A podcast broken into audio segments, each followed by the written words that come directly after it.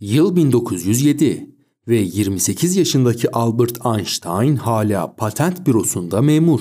Özel izafiyet teorisini yayınlayalı 2 yıl oldu ve tutkulu Einstein çok daha radikal bir evren yorumu geliştirmeye karar veriyor. Genel izafiyet teorisi. Bunu yapmak için bilimsel kahramanı Newton'a karşı çıkması gerekiyor.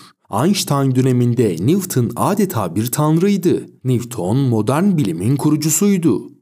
Bu Newton'un 1867'de yayınlanan Principia Mathematica kitabının birinci baskısı. Paha biçilemeyen bu kitap yüzyıllar boyunca evrensel fiziğin meşhur temelini oluşturan kitabın ta kendisi. Ta ki Einstein ortalığı bulandırana kadar. Newton'un bahçesindeki efsanevi elma düşeli ve Newton'a yerçekimi kanununun formüle etmek için ilham verili neredeyse 250 yıl olmuştu. Newton diyordu ki bir nesne düştüğü zaman bunun sebebi onu aşağıya çeken yerçekimi denen gizemli güçtür. Ancak Newton'un kendisi de bu açıklamayla tatmin olmamıştı. Nesneler itildiği için hareket eder, çekildiği için değil. Nesneler itildiği için hareket eder. Peki bunu iten nedir?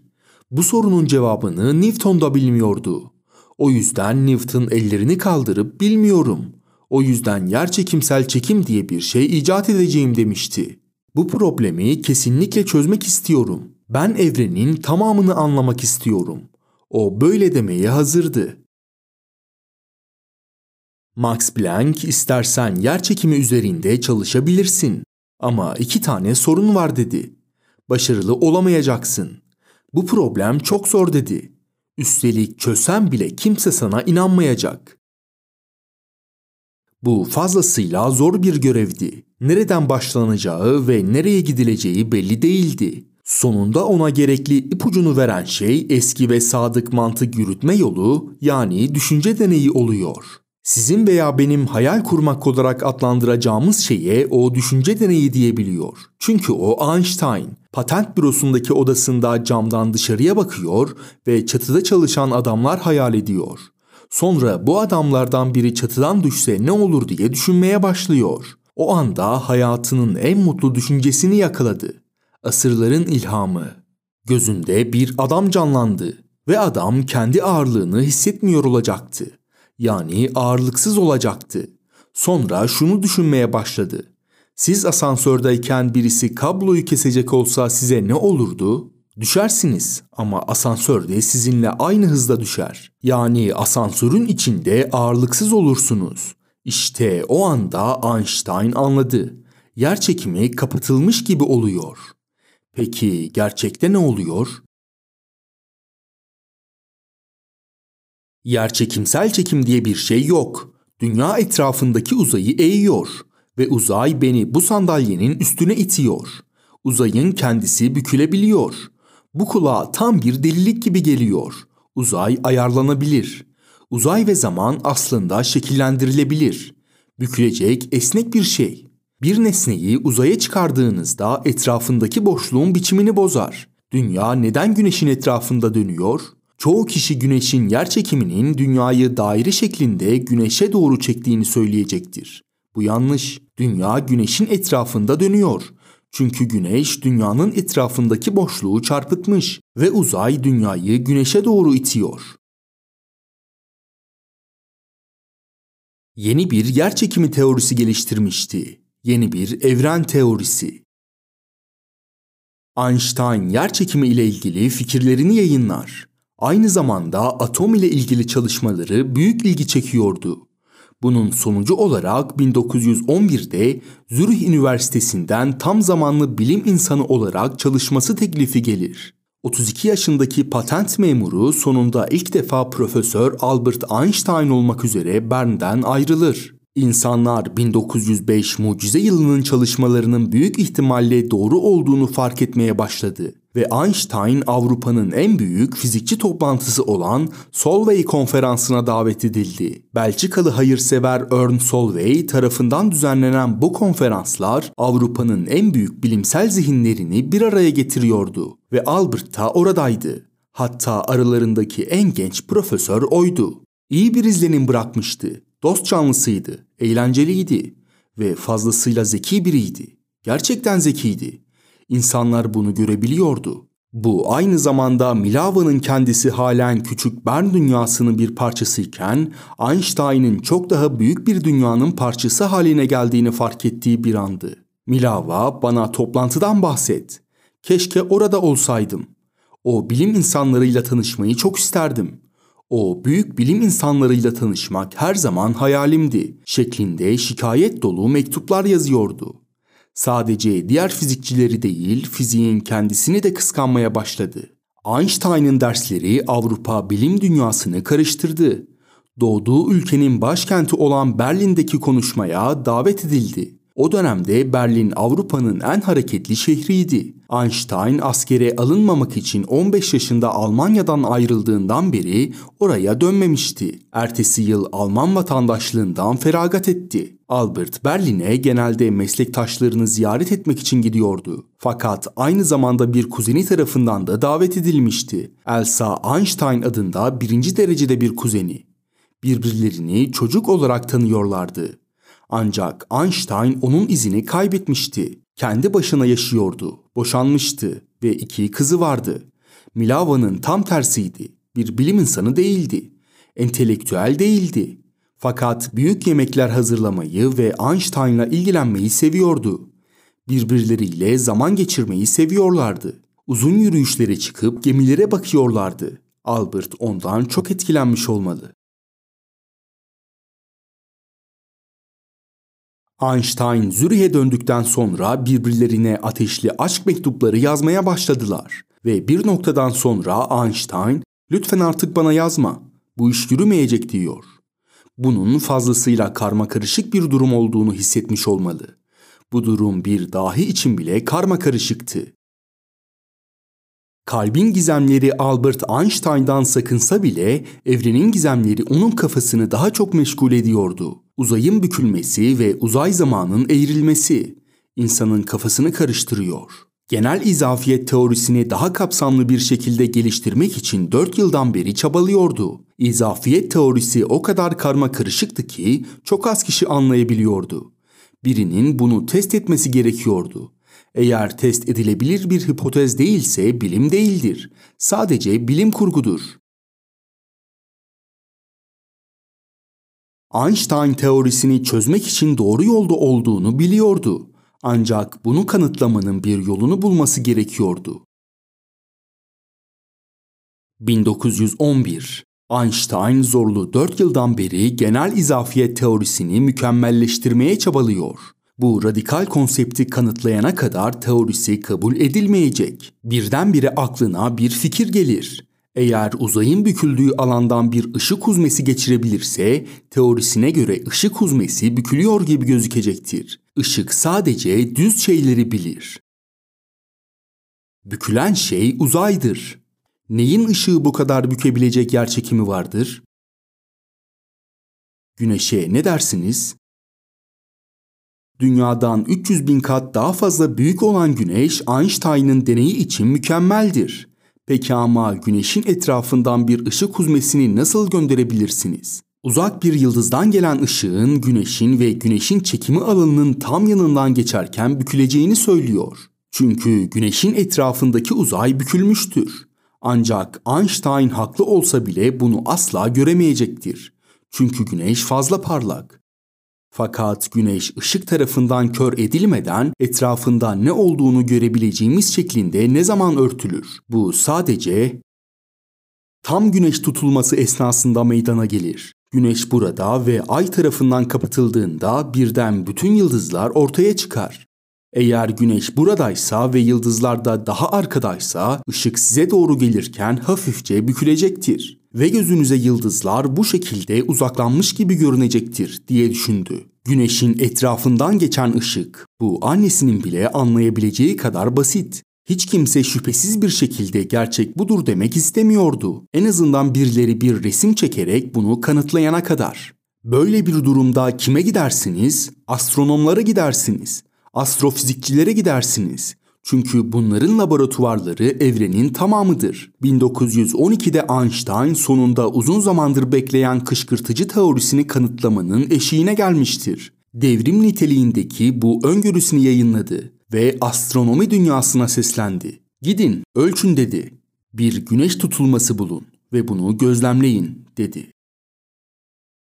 Hiçbir şey olmadı. Tanınmış astronomlara yazarak onların ilgisini çekmeye çalıştı. Ancak sanırım bir hayal kırıklığına uğradı. Çünkü çoğu kişi gibi o da astronomların çok meşgul insanlar olduğunu, akıllarına estiğinde her şeyi bırakıp gidemediğini fark etti.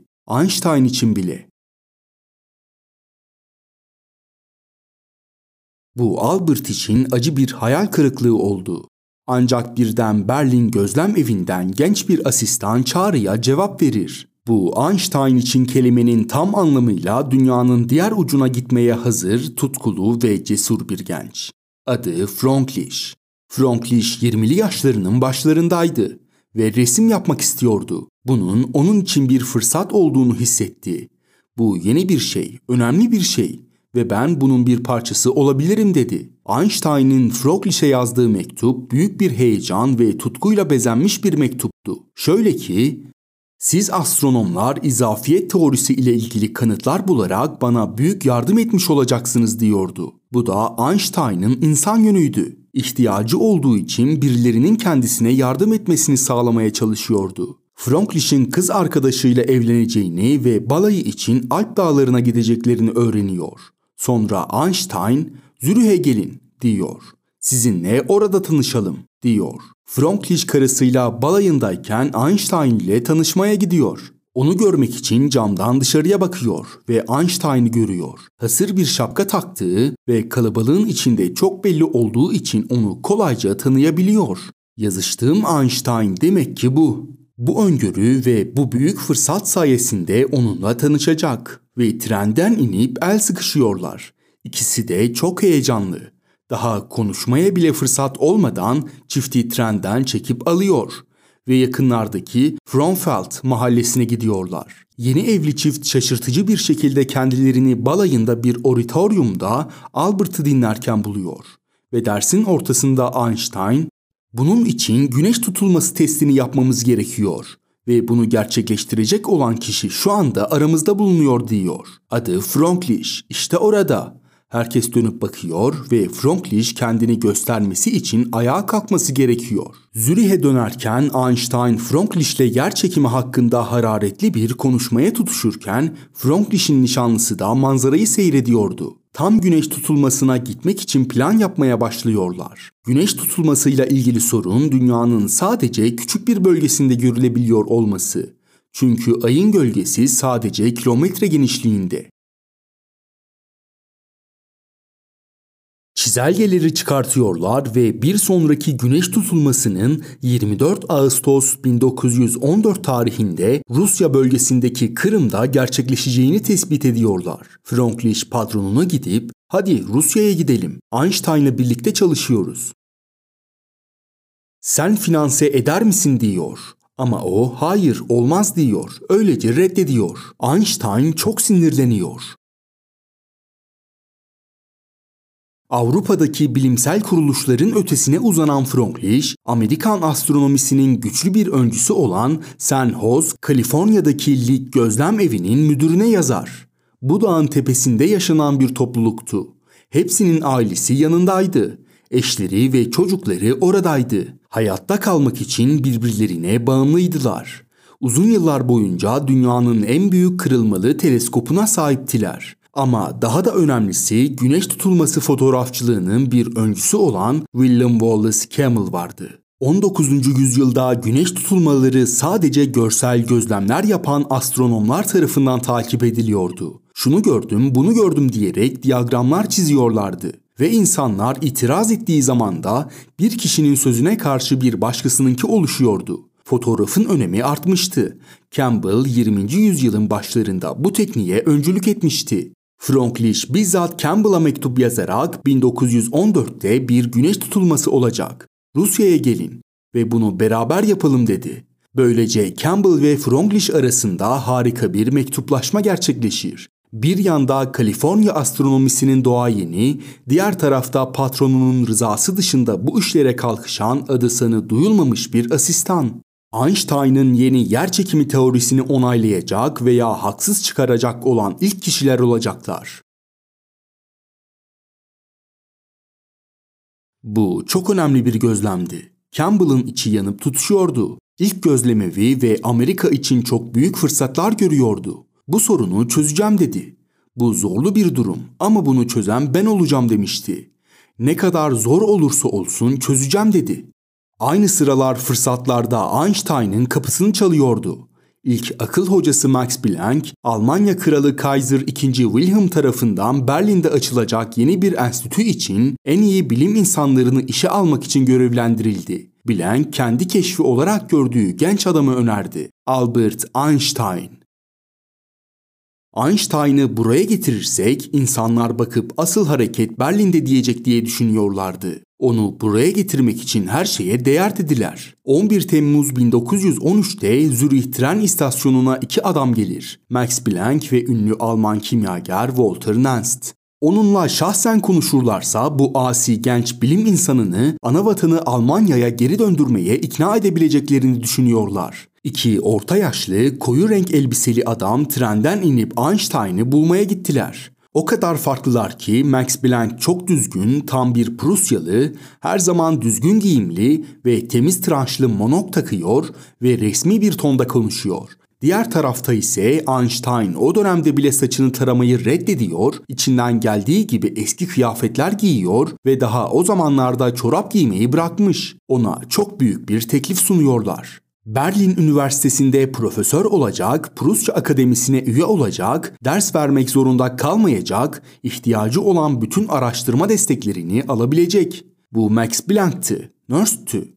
Prusya Bilim Akademisi'ydi. Bütün fizik dünyası hayır demişti. Onu karşılarına alıp seni istiyoruz dediler. Ancak Einstein teklife cevap vermedi. Einstein neden günün geri kalanında dağda bir geziye çıkmıyorsunuz dedi. Geri döndüğünüzde sizinle tren istasyonunda buluşacağım dedi. Elimde bir demet çiçek olacak. Eğer çiçekler kırmızıysa sizinle Almanya'ya geleceğim. Eğer beyazsa üzgünüm, gelmeyeceğim demektir. Bize kalırsa Einstein'ın cevabını bu kadar geciktirmesinin sebebi kendisinin bu kadar yoğun bir şekilde isteniyor olması duygusunun keyfini çıkarmaktı. Ama tabii ki bu hemen verilebilecek bir karar da değildi. Çözmesi gereken zor bir sorun olduğu zaman genelde yaptığı gibi Einstein yine uzun bir yürüyüşe çıktı. Zürih çok rahattı. Orada çok seviliyordu. İnsan böyle bir şeyi kolayca bırakıp gidemez. Karısı Zürih'te kalmayı çok istiyordu. Ancak diğer yandan da kendisine olabilecek en güzel iş teklifi edilmişti. Berlin'i Einstein için çekici hale getiren bir şey daha vardı. Günün birinde bir doğum günü kartı geldi. Kartı gönderen kişi Elsa'ydı. Bu üstünde bomba etkisi yapmış, duygularını tekrar uyandırmış olmalı. Blank ve Nurse tren istasyonuna geri döndü. Einstein da oradaydı. Bu çok dramatik bir andı. Bilinçli olarak dramatikleştirilmiş bir andı. Çiçekler elindedir. Çiçeklere bakıyor ve çiçeklerin rengi kırmızıdır. Einstein, beyler, Almanya'ya geliyorum, diyor.